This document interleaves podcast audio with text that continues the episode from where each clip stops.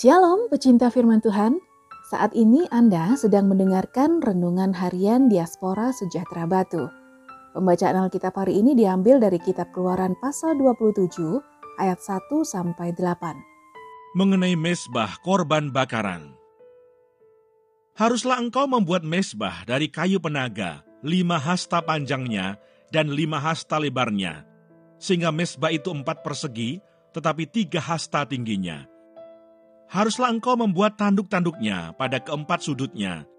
Tanduk-tanduknya itu haruslah seiras dengan mesbah itu, dan haruslah engkau menyalutnya dengan tembaga.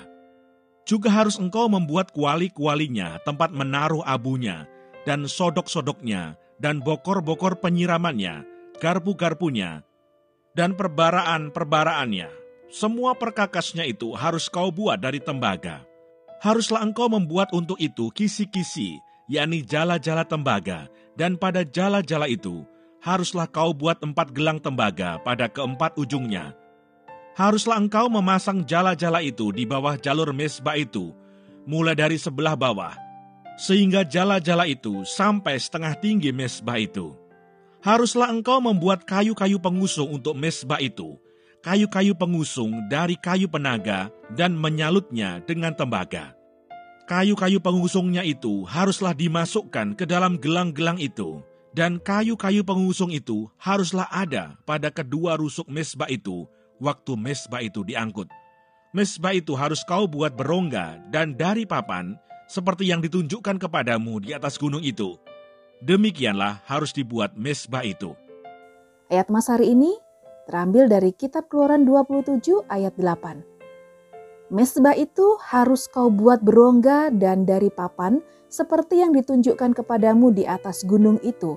Demikianlah harus dibuat mesbah itu. Keluaran 27 ayat 8. Renungan hari ini berjudul Pentingnya Mesbah bagi Umat. Sangat mustahil bagi manusia untuk bisa mendekati Allah dengan caranya sendiri. Sebab Allah adalah pribadi yang terlalu kudus bagi manusia Kekudusan pribadi Allah menunjukkan bahwa tidak ada manusia yang dapat hidup benar di hadapan Allah. Jalan keluar untuk masalah ini adalah Allah sendiri yang berinisiatif untuk mendekatkan diri kepada umatnya dengan cara umat harus membuat kemah suci sebagai lambang kehadiran Allah. Di dalam kemah tersebut terdapat ruang maha kudus, ruang kudus, dan pelataran. Di pelataran Allah memerintahkan supaya umat membuat mezbah sebagai tempat yang akan digunakan umat untuk mempersembahkan korban kepada Allah. Pada bagian ini, imam akan meneliti persembahan yang dibawa oleh umat itu layak atau tidak untuk dipersembahkan kepada Allah. Walaupun tempat mezbah tidak berada di ruang maha kudus bukan berarti perannya tidak penting. Peran mezbah tetap penting, sebab mezbah merupakan tempat bagi umat untuk berjumpa dengan Allah melalui persembahan yang mereka berikan. Di sinilah umat akan memiliki pengalaman dengan Tuhan. Mezbah merupakan tempat persembahan yang ditetapkan Allah dan sampai saat ini prinsipnya tidak pernah dihapus, hanya saja bentuknya berbeda.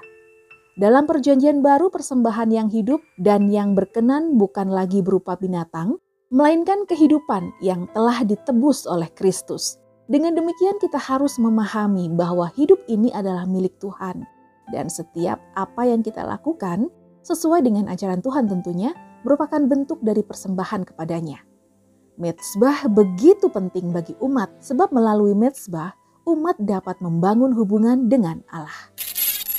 Karena itu saudara-saudara, demi kemurahan Allah aku menasehatkan kamu supaya kamu mempersembahkan tubuhmu sebagai persembahan yang hidup, yang kudus, dan yang berkenan kepada Allah. Itu adalah ibadahmu yang sejati. Roma 12 ayat 1. Tuhan Yesus memberkati.